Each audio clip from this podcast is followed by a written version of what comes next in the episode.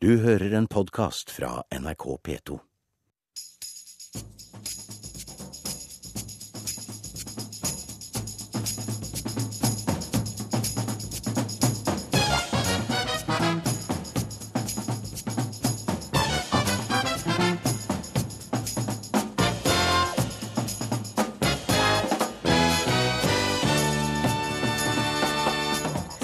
Hører aldri brannmenn klage over helgejobbing, sier VGs debattredaktør, som mener sykepleierne må ta seg sammen.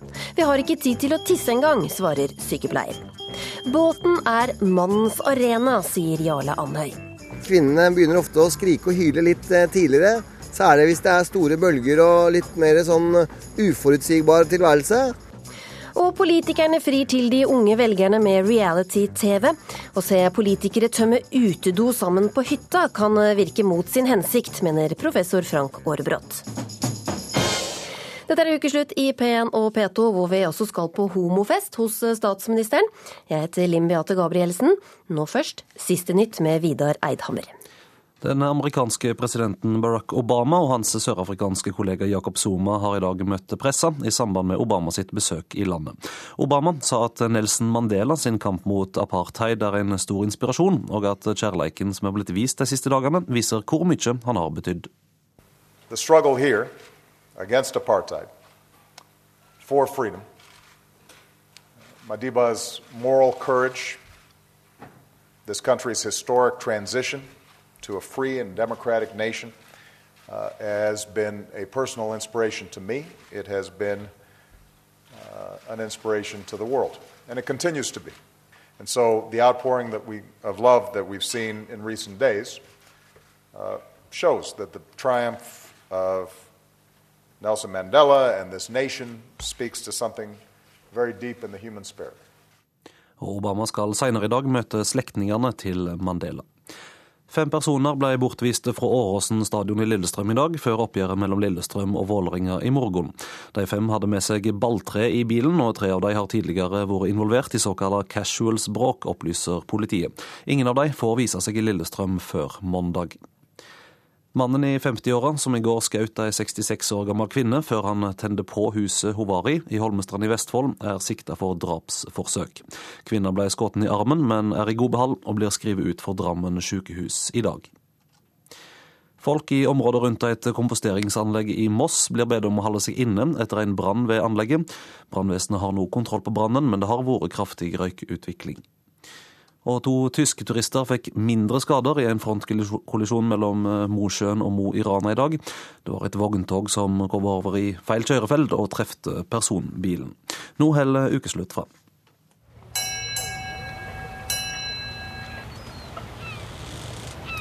Nå har Ukeslutt beveget seg ut på fjorden, hvor mange koser seg i båten med bølgeskvulp og måkeskrik.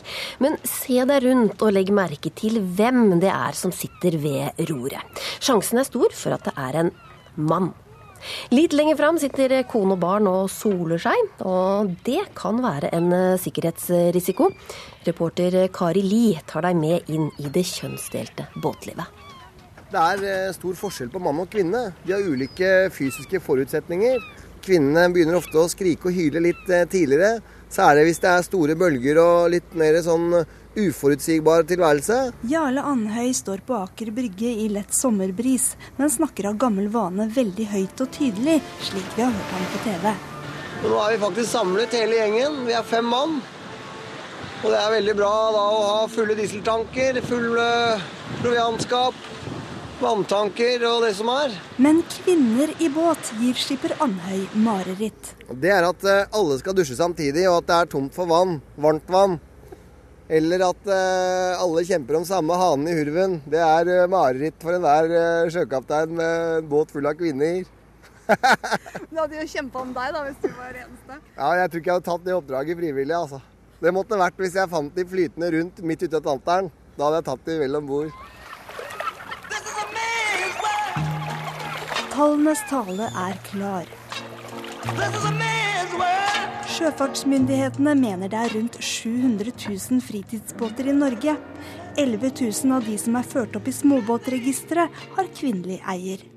Ja, Redningsskøyta Bergesen er klar. Ukeslutt er på Oscarsborg, hvor Kai Jensen er skipper på redningsskøyta Bergesen. Kvinner de passer på unger, hund og, og, mat og andre ting, mens eh, mennene kjører båt. Og Det mener jeg er et stort sikkerhetsproblem. Jensen og kollegene opplever at de må slepe båter dersom mannen om bord er blitt syk. Det er kona og barna om bord, ja. Så da må vi sørge for å få slept båten inn. Hva syns du om det? Nei, det er jo litt synd da, at ikke hun bare da kan uh, ta båten og, og, kjøre den inn. Uh, og kjøre den sjøl på egen hånd. Og hvis det skjer ute i havet, og det skjer noe med han, så er det klart da har jo et problem. I havna på Oscarsborg er båtfolket ferdig med frokosten. Har du lange bein? Går bra. Anne Lise Abelsten slipper ukeslutt om bord. Her har vi byssa oppe, og så har vi en sofagruppe. Motorbåten er helt strøken. Det glinser i lakk, og i sofaen står marineblå stjerneputer på geledd. Ja, det er jålete, vet du. Dette er en type som heter Skorgenes. Det er en eh, lukka flybridge-båt. Hvor stor er den? Denne her er 43 fot. Og vekt? Den er 13 tonn. Annelise kan alt om båten, bortsett fra å kjøre den. Nei, det er gamle rollemønstre. Jeg er trygg når mannen min kjører, og har ikke noen stor interesse av det. Så hva, hva gjør du om bord da? Når vi er på tur? Nei, da sitter vi sammen oppe og kjører nedover. Soler meg, koser meg. Hvor lenge har du vært i båt, da? Og vi har vært i båt i mange år. 15 år, tenker jeg. Hvis da no, noe skulle skjedd, og du måtte håndtere båten aleine, hvordan hadde det gått? Jeg hadde nok ringt 113 og fått uh, luftambulansen til å komme og hjelpe meg. Både med den som eventuelt var dårlig, og båten. Helvete, altså! Faen! Skipper Andhøy har fått motorhavari i isødet. Det siste han synes han trenger da, er en storforlangende kvinne. Menn de har ganske enkelt for å omstille seg og klare seg uten å dusje i tre uker. Damer derimot, de vil gjerne dusje mye mer, og de vil bruke mye varmtvann, og de vil ha rene klær. Og menn har heller ikke noe særlig problem med å spise litt sånn muggent brød og litt sånn leverpostei med litt grønt i. Og der er kvinner litt vanskeligere. Det finnes jo noen eh, kvinnelige båteiere som sikkert blir ganske provosert av det du sier. Altså, De må la seg provosere, men eh, jeg mener jo at det er forskjell på mann og kvinne. Og det er veldig mange kvinner som er flinke sjøfolk, det har de jo bevist eh, gjentatte ganger. Men når vi nå snakker på et generelt nivå, så er det fortsatt sånn at eh, både i bil- og båtverden så er det menn som er mest interesserte, og det er dems arena. Og det er de som har best fysiske forutsetninger for å være på havet over lang, lang tid, og ikke minst være i bask med naturkreftene. Her har du henne. Gorgeous 2. Eh, Gorgeous 2, ja.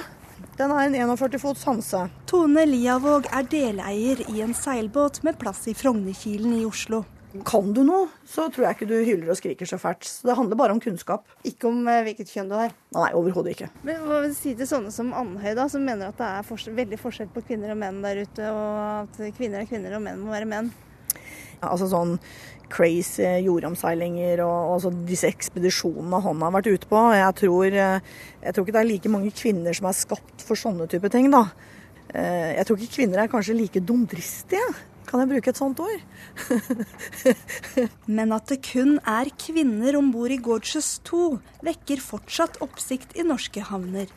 De står liksom i beredskap, gutta på brygga. Skal ha hjelp, liksom. Ja, dette går fint, gutter. Og så sier jeg. De tror ikke helt at dere klarer det? Ja, hva skal jeg si? Ja? De er jo litt sånn Motor og, og, og båt og store ting, det liksom er jo forbeholdt menn, da, ofte. Det er stort sett mannfolka som kjører båt. da. I Drøbak havn har kranfører Arild god oversikt over hvem som gjør hva i båtene. Kvinnfolkene sitter rolig baki og får kjeft. Det er det det går ut på. Men hvorfor, hvorfor får de kjeft, da? De er vel stort sett i veien da, når du skal legge til eller, eller gå fra. Så Det er jo ofte kona hopper i land og tar imot båten også, er det ikke det? Jo, det er mulig det. Jeg har ikke noe særlig erfaring med det. De jeg er på tur med, så er det som regel vi mannfolka som både hopper i land og tar tau. Nå har vi jo sånn eh, fjernstyring på alt nå, vet du, så vi kan slippe ut dregg og hoppe i land samtidig. Så det er ikke noe problem, det. Kona sitter og koser seg med hvitvin. Redningsskøyta Bergesen har fått et nytt oppdrag. Nå skal vi ned og se på en eh, Ja, det blir litt uh, paradoks dette her, da, men vi kaller det for herreløs båt. Ifølge skipper Kai Jensen kan det bli vel mye herre eller testosteron i norske fritidsbåter. Det er jo dessverre noen menn da, som blir, eh, blir for mye skipper. ikke sant? De får på seg, En skipper har gjerne fire striper, men de får på seg seks og åtte striper. Men når det gjelder liksom bekymring i forhold til det å komme seg til land igjen, eller at hvis det har skjedd noe, en motorstopp eller sånt noe, så er det ofte kvinnene som ringer til oss og ber om hjelp. Særlig ved grunnstøtinger. Da er det som regel største skaden som skjer på båten da, det er liksom selvfølelsen til mannen. Altså. Det er uh, stort sett det som skades. He's lost in the wilderness. Jeg er for likestilling på alle plan, men man må ikke gjøre likestilling fordummende heller. For det er sånn at det er forskjell på mann og kvinne. Det må vi på en måte leve med og gjøre det beste ut av. Ok, men Hvordan skal da en kvinne te seg om bord i din båt? Nei, Hun skal gjøre de samme oppgavene som mannen. Hun skal lære seg alt og stå på til siste slutt. Når det drar seg til, så vil man se hvor sterkt hun står når bølgene er 30 meter høye og det ruller nede i skutesida der. Det er vel flere som hyler da, er det ikke det? Jo, men kvinnene hyler først. Og Redningsselskapet de har en kampanje som heter Ta roret, kjerring. Og om knappe to uker kan både kvinner og barn lære sjøvett av Jarle Andøy på Piratfestivalen i Stavern. Ledig stilling sykepleier var tittelen på en kronikk skrevet av sykepleier Anneline Kjos Solli, hvor hun bl.a. skildret en arbeidshverdag uten verken mat eller tissepauser. Dermed blusset debatten opp igjen om sykepleierne bør jobbe helg oftere enn hver tredje helg, og selv helseministeren kom på banen.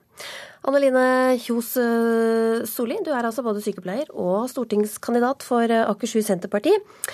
Du skrev altså at i Aftenposten mange sykepleiere opplever kritikken mot dem som sårende. Hvorfor det? Eh, hvorfor sykepleierne opplever det som sårende, det er det du spør om. Ja, jeg, det, det, som vi har snakket om i forbindelse med det, det er jo at eh, mange opplever jo at de allerede har gjort eh, bortimot det de kan klare å gjøre for å imøtekomme det kravet som er stilt til dem, og at når det oppleves som utilfredsstillende fra arbeidsgivers side, at de da blir såret, det, det kan jeg godt forstå.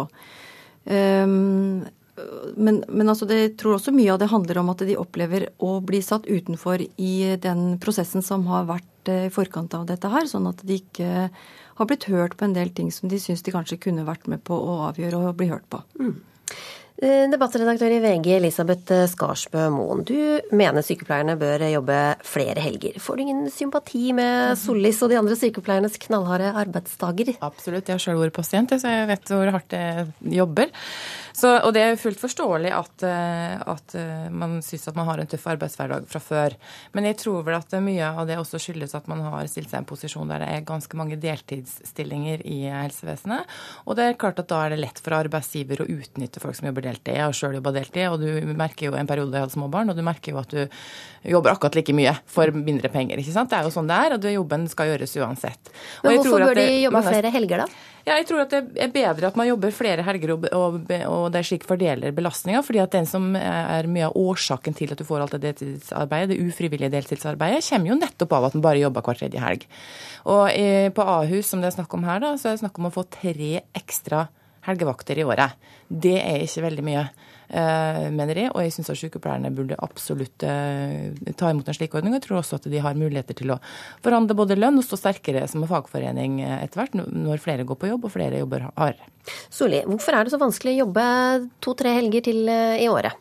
Det var fint at du sa to-tre helger, for det var ikke det Elisabeth sa. Hun sa to-tre helger vakter, og det er helt forskjellig. To-tre helger og to-tre helger vakter er to forskjellige ting. Eh, I utgangspunktet så jobber sykepleierne på sykehus i dag, og det er fint at vi snakker om sykehus, for det er, det, det er vel egentlig det vi snakker om. Mm. Eh, de jobber eh, hver tredje helg i hele året igjennom. Og det er, det er, ikke sånn at de da jobber noen helger innimellom. De jobber hver eneste tredje helg hele året. Om det er en rød helg eller ikke, om det er sommerferie eller ikke, om det er inngående ferie eller utgående ferie. Det er hver tredje helg.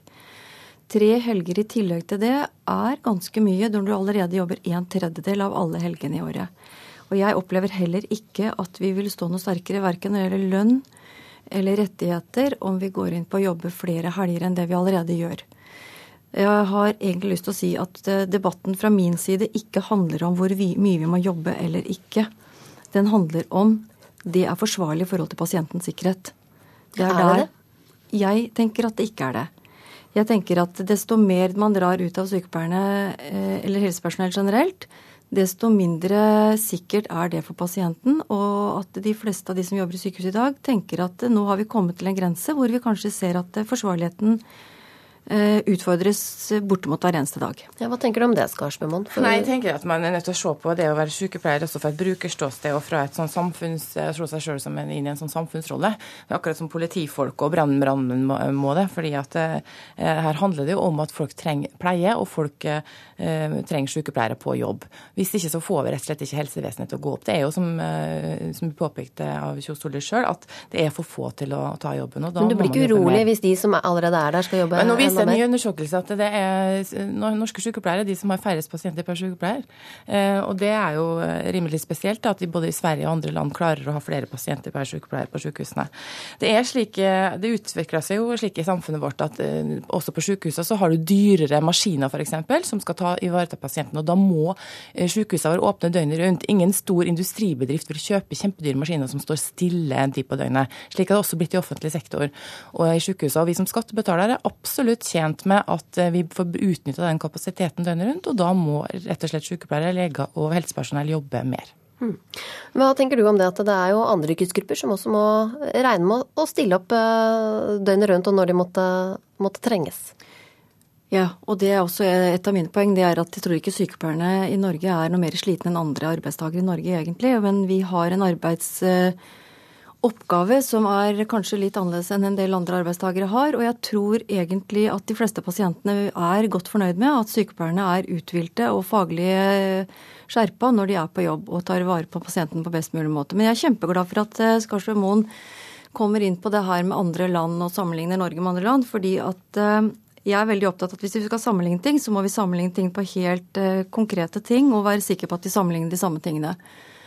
Jeg vet at sykehus i andre land har sykepleiere som har ansvar for flere pasienter. Men jeg vet også at de sykepleierne har ansvar for pasientene, men de gjør ikke alle oppgavene overfor pasientene på samme måte som sykepleierne i Norge gjør. I norske sykehus så er det stort sett bare sykepleiere som jobber i forhold til pleie med pasienten. Det er eh, uttrapping av hjelpepleiere og annet helsepersonell i forhold til pasientpleie. Det betyr at sykepleierne gjør absolutt alt fra å mate til å medisinere pasientene, mens på sykehus i andre land så har de fordelt oppgavene på flere på en annen måte. Og det er et viktig moment når man skal diskutere en sånn viktig sak. Mm. Jeg er opptatt av at jeg synes mange av de sykepleierne som nå ikke ønsker å jobbe flere helger, de skaper også en, en vanskelig arbeidssituasjon for unge sykepleiere som kommer inn i yrket. Bl.a. dette med ufrivillig deltid. Man, det at man jobber hver tredje helg, skaper mye ufrivillig deltid. Og det er ofte unge, nyutdanna småbarnsmødre og fedre som må ta de jobbene. Og det syns jeg er eh, fra de som jobber eh, fulltid, og de litt eldre sykepleierne, så er det ganske usolidarisk, kan jeg. Etter at de begynner å ta opp denne problemstillinga her med deltid i helsevesenet, så har jeg fått flere henvendelser fra unge småbarnsforeldre som ikke får endene til å møtes, de får ikke huslån, eh, og de har rett og slett ikke råd til å, til å ha små barn. Og det er en krevende situasjon å være i, og jeg tror at sykepleierne eh, bør se på en bedre solidaritet se imellom og fordele arbeidet bedre. Vil dere være mer solidariske, Solli? Eh, jeg tror at veldig mange flere jobb, ønsker å jobbe mer enn bare deltidsstillinger. Jeg tror, men jeg tror at det generelt gjelder eh, kommune, mm. kommunestillinger mye mer enn i sykehuset. For i sykehuset jobber alle som jeg vet om, i hvert fall, som jobber som vanlige folk på gulvet, vanlig tredelt turnus, helg, natt og dag. Men i kommunene så er det litt annerledes. Eh, jeg tror at en del av de som er litt eldre, ønsker å gå ut av natt- og helgestillingene på en eh, Og det er godt forståelig, det, jeg, det er ikke noe vanskelig å forstå. Men, men eh, solidariteten tror jeg ikke går bare på det. fordi at hvis man skal ha alle til å jobbe 100% stillinger, så vil man faktisk få for lite folk til å ta de jobbene som er. For hvis man har fire sykepleiere å dele eh, en turnus på, og de alle jobber 50% så har vi åtte hender. Hvis vi skal lage to 100 %-stillinger av fire 50 %-stillinger, så får vi faktisk bare fire hender. Og da vet ikke jeg helt hvordan vi skal komme i mål ja, med den pleiefaktoren som vi er, eh, har tenkt å ha i Norge. Skarsvold, du kan få svare kort på det? Nei, Jeg tror at løsningen uansett er at flere må jobbe mer. Slik er det i samfunnet for øvrig. Og jeg tror at sykepleierne er i ferd med å stille seg i en litt eh, vanskelig situasjon. Og for oss som brukere, vi blir flere eldre, vi trenger mer pleie. Vi lever lenge, flere kommer til å bli operert senere i livet. Og, og, men det, samtidig er det slik at det er mer teknologi til å, å hjelpe oss. Og den kapasiteten vi har, den må vi utnytte, og det betyr at sykepleierne må jobbe mer. Tusen takk skal dere ha, Elisabeth Skarsbømoen og Anneline Kjos Soli. Nå skal det handle om politikerreality.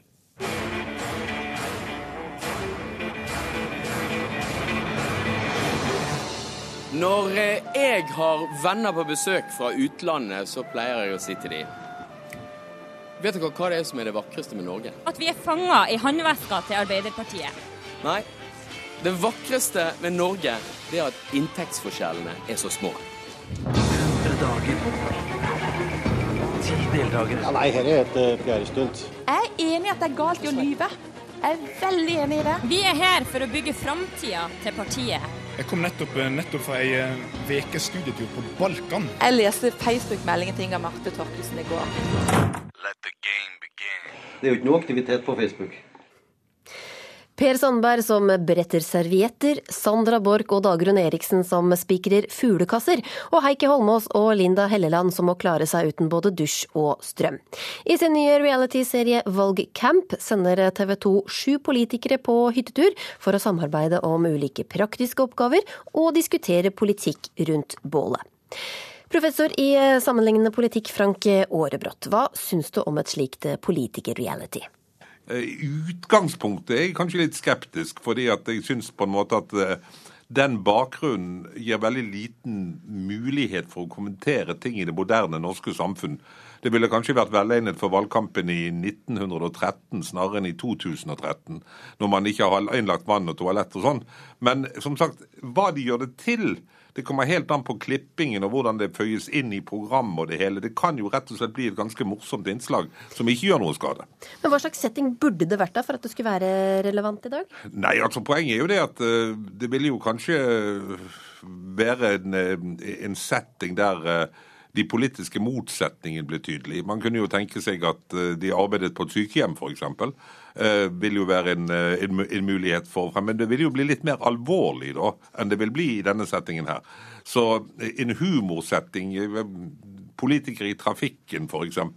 Kunne jo være altså, et eller annet som ga en bakgrunn som gjorde det mulig å få frem de politiske forskjellene. På en måte, Hvis en SV-er og en Frp-er blir enige om å tømme et kaggedo sammen, så får jo velgerne inntrykk av at det er skjønn harmoni mellom de to, for å si det på den måten. Men det vet vi jo ikke hva, hva som skjer.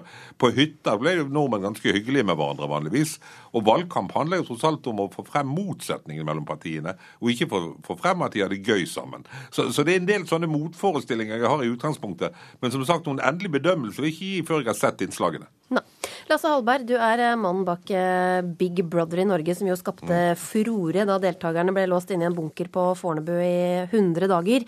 Og du mener TV 2 gjør lurt i å ha denne politiker-realityen. Hvorfor tror du dette kan bli bra? Jeg syns det er et bra, altså bra tanke av TV 2, fordi at man skal nå ut til bredt publikum og til yngre skarer.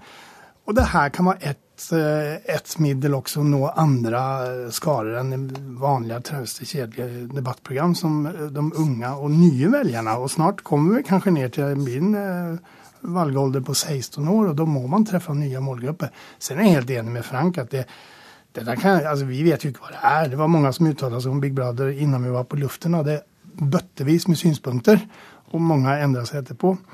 Eh, så vi vet jo ikke hva det er. Men, eh, det er klart, kan det bli bajaseri og bare eh, sånn, litt sånn latterlig à Alle Volja Kjørstad Haugland synger, synger utrolig falskt på klassefester med mange herrens år siden. Det ga vel ikke KrF noen nye velgere, presis.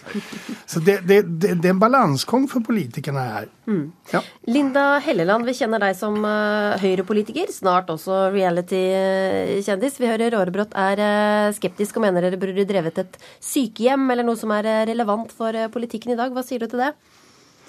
Jeg er jo enig med Frank Aarebrot i at først så må vi nå se det her nå, da, hvordan det blir på TV. For du vet jo ikke du heller? Nei, det har vi ingen av oss noen anelse om. Eh, og jeg innrømmer det, at jeg måtte virkelig gå i tenkeboksen og tok mange runder. eh, med sentrale folk i partiet om det var riktig eh, av oss eh, å stille opp. Nettopp fordi at det er en hårfin balansegang mellom eh, det å være en seriøs politiker eh, som ønsker å formidle eh, budskapet kanskje på en enklere måte til den yngre generasjon. og det å liksom framstå som en sånn tullete standup-komiker. For det er ingen av oss som ønsker å bli. Og jeg tror veldig mange politikere i dag får tilbud om masse rart å stille på. Og, og, og det meste sier vi nei til. Men for meg så handler det her om eh, alle de velgerne eh, som har muligheten til å stemme i høst, særlig de yngre, som f.eks. ikke sitter og lytter til Dagsnytt 18 eller Politisk kvarter. Dem også eh, skal eh, vi politikerne prøve å nå ut til. Og vi har sittet nå i tre dager og diskutert politikk, så um, virk, virkelig, altså. Og TV 2 har måttet stoppe oss og si OK, slutt, nå, nå, nå kutter vi. Nå, nå, må vi bevege oss videre. Eh, fordi eh, vi har jo benytta sjansen, eh, og enhver mulighet så har vi eh, virkelig eh, prøvd eh, å få fram skillelinjene i norsk politikk. Fortelle at jo, det er stor forskjell på Høyre og Arbeiderpartiet. Det har betydning for Norge og Norges framtid om det er Jens som er statsminister, eller om det er Erna som skal styre Norge i årene framover. Så vi har prøvd på vår måte, men på en, en litt um, annen måte enn, enn hvordan vi presenterer budskapet fra Stortingets talerstol. Det som mangler kanskje i programmet, det hadde jo kanskje vært at også Frank Aarebrot og Stein Kåre Kristiansson, som er politisk kommentator i TV 2, at de også hadde vært inne her. Da kunne det bli skikkelig gøy. Hadde stilt opp på det, Aarebrot? Selvfølgelig. Hvis jeg skulle snakke fuglekassa, ville familien blitt meget overrasket. Eh, jeg har utstyrt med et usedvanlig stort antall tommeltotter. Men hva er din favoritt-reality-serie da, Årebrot? Nei, altså noen favorittreelle Jeg liker dette her eh, programmet med de gamle idrettsstjernene. Det syns jeg er ganske morsomt å se på. Eh, jeg vet ikke hva det heter for noe, men det er i hvert fall slik at de samler en del gamle verdensmestere som skal gjøre en del idrettsøvelser. Mesternes mester, er det det? Mestrenes mester er det det heter, ja. Mm. Det liker jeg ganske godt. Men det er bedre at de stiller opp på det her enn Skal vi danse, f.eks. Ja, nei, det, det, det, Just det der som Valgerd Svarstad Haugland gjorde i Klassefesten, det tror jeg bare er forødende. Nei, her er det åtminstone et politisk budskap som, som skal ut. Eh, jeg hørte hun synge på en valgsending, og det var jo slik at min medkommentator ba om å få, få flytte pult. Så jeg, jeg, skjønner jo at dette, dette var ille. Nei, nei, det er klart det at politikerne må kjenne seg selv, og de må også kjenne sine egne begrensninger, og hvilke kontekster de blir latterlige i. For det er ingen som er tjent med at en politiker virker latterlig. Eh, for det, til det er det de jobber med litt for alvorlig. Og jeg er jo enig med at det viktigste med en valgsending er jo å få frem forskjellen og politikerne mener jo faktisk at det er ganske viktig om folk velger på det ene eller det andre, og at det er en viktig avgjørelse. Og det må man jo også få for det, det å se f.eks. en Frp-er og en SV-er bære et kaggedo sammen, f.eks., og tømme kaggedoet på en hytte, det, det må de nødt til å samarbeide og være hyggelige med hverandre når de gjør det. Men de gir jo samtidig inntrykk av at de to partiene er veldig enige med hverandre. Så, så bilder er veldig farlige når man klipper. og Det jeg frykter litt, er jo at en, en som redigerer et sånt program, spesielt når det skal redigeres ned til to-tre minutter, at eh, det ikke bare er det de sier, men også det visuelle inntrykket du får. At, de, at det visuelle kan fortelle det motsatte av det de sier, nemlig at det, det er så hyggelig på hytta. Hva tenker du om det, Helleland? Kan dere se for samstemte ut? Nei, det tror ikke jeg. Selv om jeg tror det er også viktig eh, å få fram litt av det. For det vi eh, hører mye, vi som er politikere, eh, er jo at hvorfor er dere så uenige hele tida? Dere driver bare hakker på hverandre og krangler og går ikke an å bli enige om noen ting. sant? Eh, og det eh, var vi også opptatt av å, å få fram. Det at ja, vi sitter i studio og diskuterer skikkelig, men når vi går ut av studio igjen, så er vi ganske gode venner og veldig gode kollegaer. Eh, og det tror jeg også kommer til å komme fram i um, serien. Det er vel også en ting som er kanskje viktig å få frem. Jeg er veldig opptatt av at man ikke skal få inntrykk av at de politiske skillelinjene er mindre enn de er. Men du har jo helt rett i at det å få frem at politikken, Stortinget som arbeidsplass, for å si det på den måten, den kunne være et forbilde for mange andre arbeidsplasser. Og det er kanskje ikke folk klar over. at Jeg har jo vært i Stortinget et par ganger og kanskje i en situasjon der en enkeltpolitiker har vært i hardt vær, har hatt problemer. Eh, og kanskje pressen har vært på jakt etter han, og ser liksom at politikere fra andre partier kommer og gir han en klapp på skulderen og gir et trøstens ord, og, og at man da er gode kollegaer. At det kanskje er mer på de politiske motstandere som trøster en som er i hardt vær, enn hans partifeller som er engstelige for at det skal bli en skandale. Ja, Der har du nemlig et godt poeng. For i går kveld, når vi satt og hadde en liten sånn oppsummeringsprat, Eirin Sundt fra Arbeiderpartiet, Per Sandberg og jeg, så var det nesten så Per måtte felle en tåre. Eh, og da sier det litt om at eh, vi, vi, eh, eh, vi, vi får fram også litt andre sider av politikerne, og det tror jeg faktisk er en god ting. Eh, Men Vi Stortinget håper- som, er, som arbeidsplass er et bra sted, altså. Det, det tror jeg faktisk. Vi håper at TV 2 har sommet godt inn på de eventuelle tårene til eh, Per Sandberg. Og så et sli siste klassisk spørsmål da, til deg som reality-deltaker. Hva var det første da du kom ut fra valgcamp? Hva var det første du gjorde? Jeg satte meg i bussen eh, sammen med de andre, eh, og så sov vi hele veien til Oslo. Vi var helt utslitt, for da hadde vi diskutert politikk døgnet rundt. Og da, da trengte vi en liten sånn pause fra hverandre. Bli med videre i ukeslutt på homofest i selveste statsministerboligen. Jeg er som kongen befaler. Jeg vil ha 100 homofile. Og hvorfor tør ikke Høyres Torbjørn Røe Isaksen å arrangere bursdagsfest? For Arbeiderpartiet vil bare arrangere motbursdag. Det er eh, skeive dager i eh, hovedstaden, og i dag er selve høydepunktet paraden i Oslo sentrum. Homofile, lesbiske, bifile og transpersoner feirer seg selv, og i år er det rekordmange påmeldte. Ukeslutt vil selvsagt også være med på moroa, og reporter eh, Dana Vanono, du står midt oppå en flåte i, i paraden. Hvordan er stemninga rundt deg? Stemninga her er i taket. Jeg har kommet meg opp på en flåte og kan se utover Oslo sentrum. Og her er det altså tjukt med folk som alle har tatt med seg homoflaggene sine. Jeg har fått et homoflagg selv òg. I tillegg til det så ser jeg også flagg fra hele verden. Fra Marokko, Iran, Norge. Og ikke nok med det, men alle har jo kledd seg i sin fineste stas. Det er fjær, det er boer, det er parykker. Det er, eh, og det er noen som er ganske lettkledde òg, til tross for at det er en skur eh, her nå. Og også statsministeren ville være med på moroa under eh, skeive dager. På Instagram så kalte han seg pride-minister, og inviterte 100 homofile til fest i selveste statsministerboligen. Ukeslutts reporter Sara Victoria Rygg ble med tre av de heldige som hadde fått invitasjon i posten. Omtaler man ham i tredjeperson som om han skulle være kongelig? Jeg tror man må øve seg på å si Stoltenberg og ikke Jens. Jeg tror det er litt sånn. Jeg tror kanskje at jeg må si statsminister. Ja, Journalistene skriver Jens i avisen. Ja, men det syns jeg er en sånn forflatning i samfunnet. skjønner. Liker Ja, ikke det. du føler det er en forflatning, ja, nemlig. Altså, man er jo invitert til mottakelse av liksom statsministerens kontor også, da. Man kan jo ikke omtale ham som statsministerens kontor heller. Nei, kontor? Tror du kona gjør det? Statsministerens kontor, nå må du komme! Maten er ferdig! Stemninga er lystig, men eh, også litt smånervøs. Rundt bordet sitter tre pent kledde personer. De matcher hverandre med svarte, stilfulle dressjakker og nystrøkne skjorter. Ved første øyekast så ser de helt normale ut. Men ser du en gang til, så kan du se at de er ganske spesiell. I lomma har jeg nemlig en invitasjon fra selveste Jens Stoltenberg. Eh, Der står det da eh, 'Invitasjon til mottakelse i anledning Skeive dager 2013'. Statsminister Jens Stoltenberg har gleden av å invitere deg. Det er dus, da. Er ikke det hyggelig? For det kunne vært dem hvis det hadde vært litt utafor. Ja. og det vært heterofile, så står det sikkert uh, Dette høres hyggelig ut. Inviterer deg til mottakelse i anledning Skeive dager. Brita Møystad, Mats Rodge og Fredrik Havstein et hamburger og drikker Pepsi og øl. Og de lurer litt på hvorfor Jems har invitert deg. Ja, for jeg tenkte sånn guri, hva er det her for noe? Nei, det er vel fordi vi er ja, um, Du har jo opptredd på G-gallaen selv. Ja, og så har jeg jo vært hylende homo hele tiden og aldri sagt at og, og alltid sagt at det må man være. De gleder seg og er litt nervøse, men eh, først og fremst så er de glade.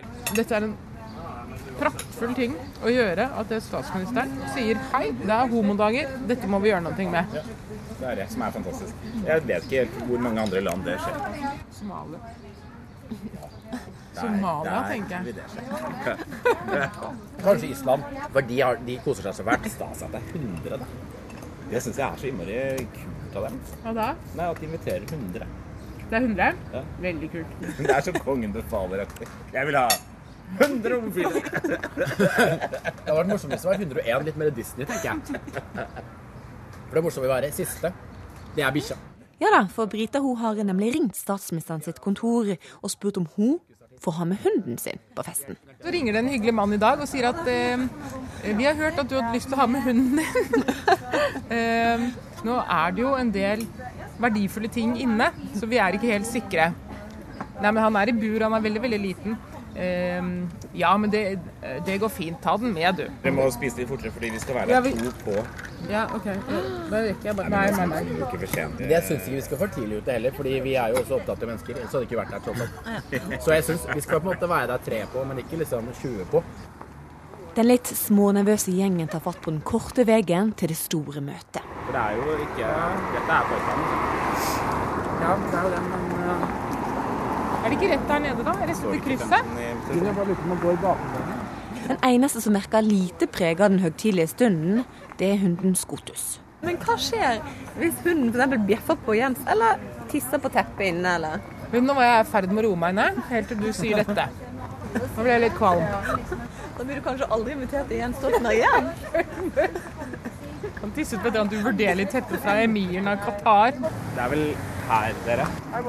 Tryggleiksvaktene til Jens slipper oss inn, hunden òg. Alle er velkomne.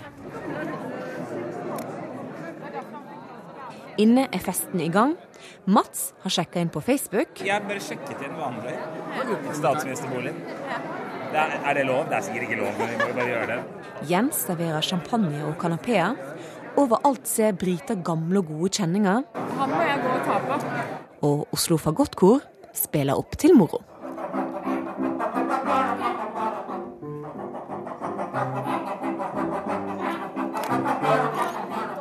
Og så kommer stunda Brita har venta på.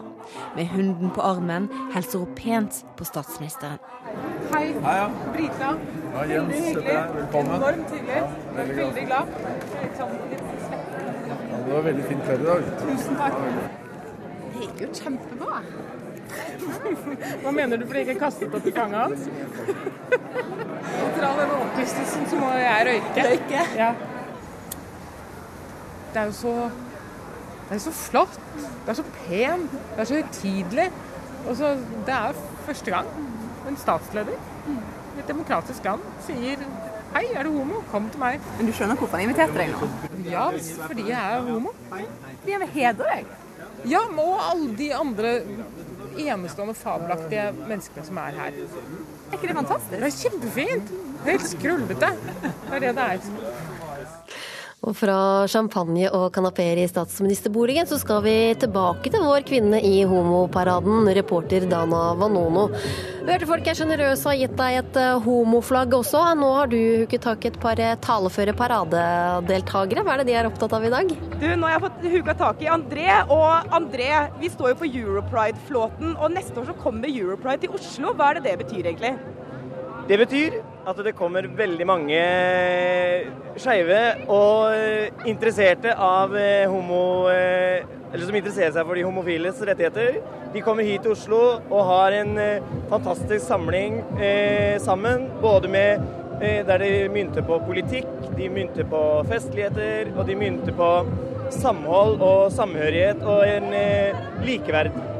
Ja, De kommer fra hele Europa, og vi hørte nettopp en reportasje om hvor bra homofile har det her i Norge. Men hvordan er engasjementet for de homofiles rettigheter i andre land under paraden her i Oslo? Her i paraden så jobber de faktisk veldig med å, med å eh, jobbe for andre lands rettigheter, fordi vi som, Norge, vi som et land, Norge, har, eh, har eh, et veldig bra eh, utgangspunkt. Og derfor så har vi også muligheter til å kunne eh, jobbe for andre som sliter. Og det er veldig mange land som gjør det. Og det kalles jo Europride. Er, det, er du stolt i dag, eller? Jeg er kjempestolt. Jeg er faktisk kjempestolt for å være innmari skeiv. Ja, nå begynner flåten å eh, kjøre bortover her. Og eh, i år så er det forventa over 12 000 mennesker, og det er ny rekord for eh, paraden i Norge.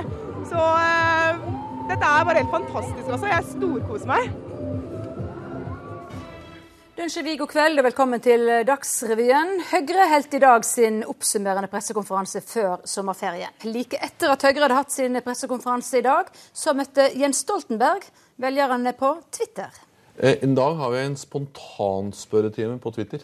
Uh, altså, jeg fikk den ideen. Eller vil si, ideen har vi hatt lenge, men vi har aldri hatt tid til den.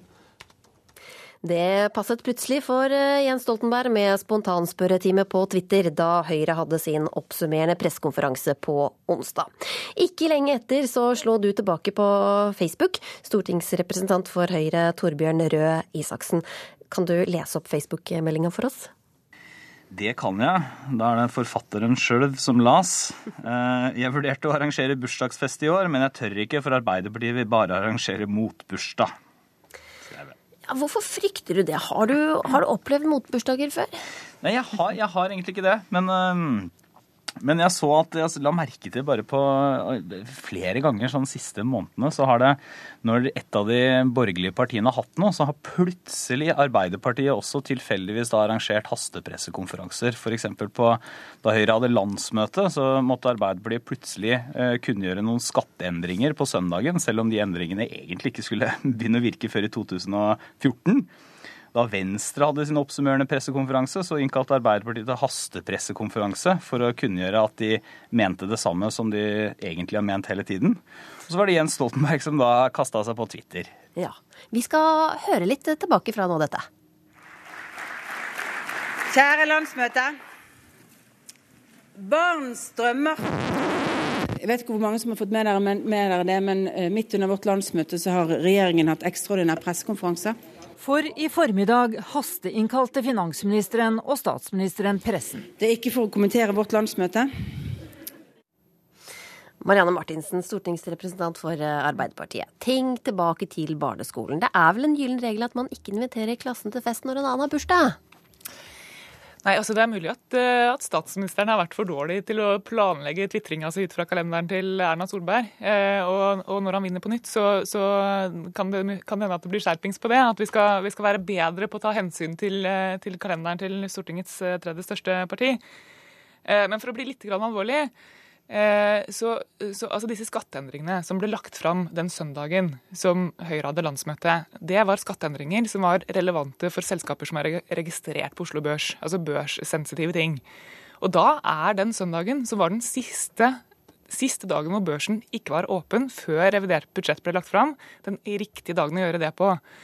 Eh, og da var det eh, tilfeldigvis Høyres landsmøte. Hadde det vært finale i fotball-VM og ikke en sjel som hadde vært interessert i skatteendringer, så ville det fortsatt vært den riktige søndagen å gjøre det på. Røe Isaksen, børs, eh, børssensitiv info er vel gyldig grunn til motbursdag? Altså, Vi kan bruke mye tid på å diskutere hver, hver enkelt sak. Jeg, jeg, bare registrerer da at én uh, ting er at uh, den børssensitive infoen den, den, ble jo ikke gjeldende da før 2014. Og det andre var at f.eks. denne uka her så, så kunngjorde jo staten at de skulle kjøpe eierandeler i selskapet Serbak. Da gjorde de det på vanlig måte, nemlig å kunngjøre det bare før børsene åpnet.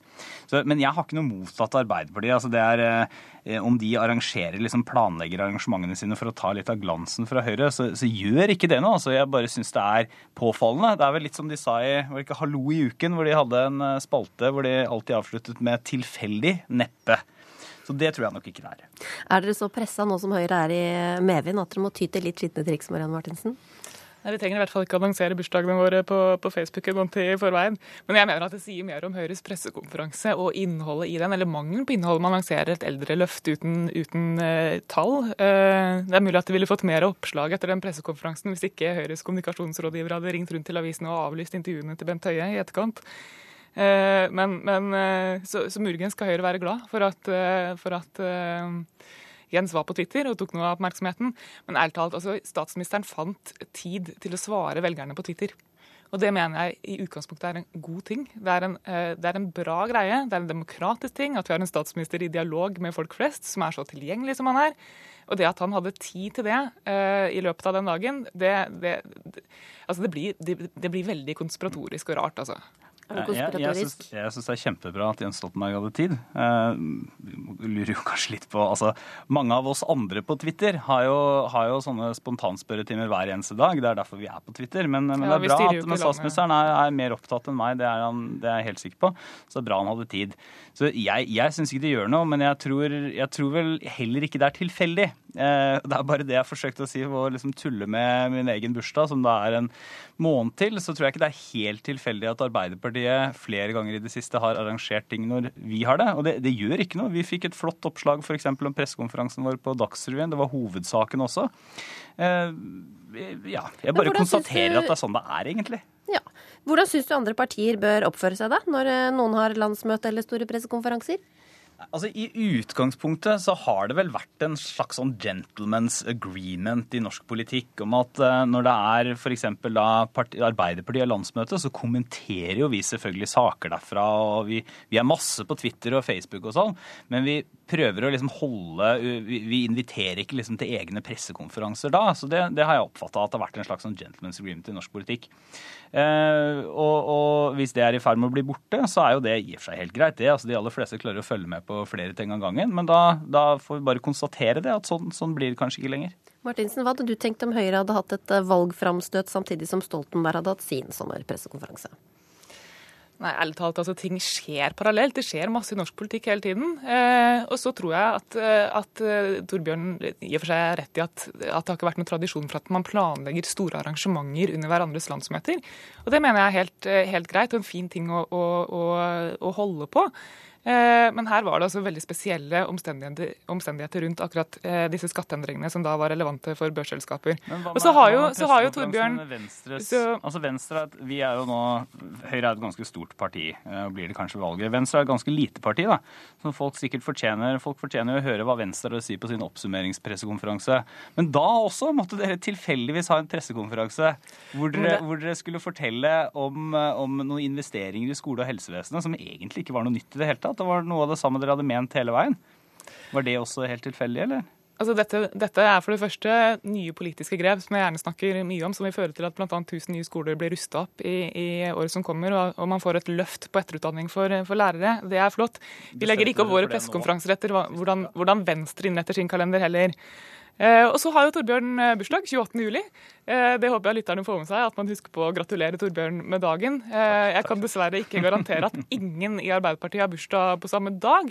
Men jeg har tatt med i studio til Torbjørn en kopp full av Arbeiderpartikarameller, som, som Torbjørn skal få, som han kan få lov til å dele ut i, i bursdagsselskapet sitt, hvis han nå bestemmer seg for å arrangere det.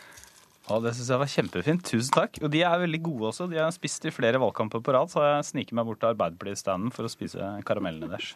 Så er karamellene deres er din beste, altså. Karamellene deres vil jeg gjerne ha, vet du. Men Torbjørn, hva kommer du til å gjøre neste gang Arbeiderpartiet inviterer til bursdag eller pressekonferanse? Da kommer jeg til å håpe Nei, altså jeg blir jo ikke invitert, det forstår jeg jo.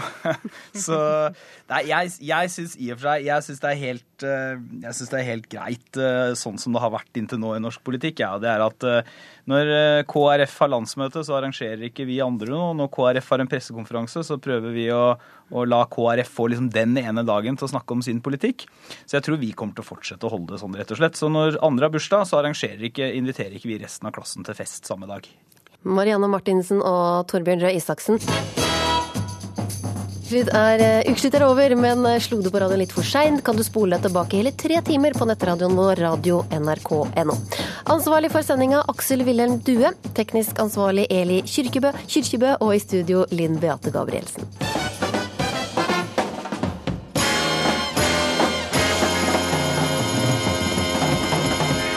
Du har hørt en podkast fra NRK P2.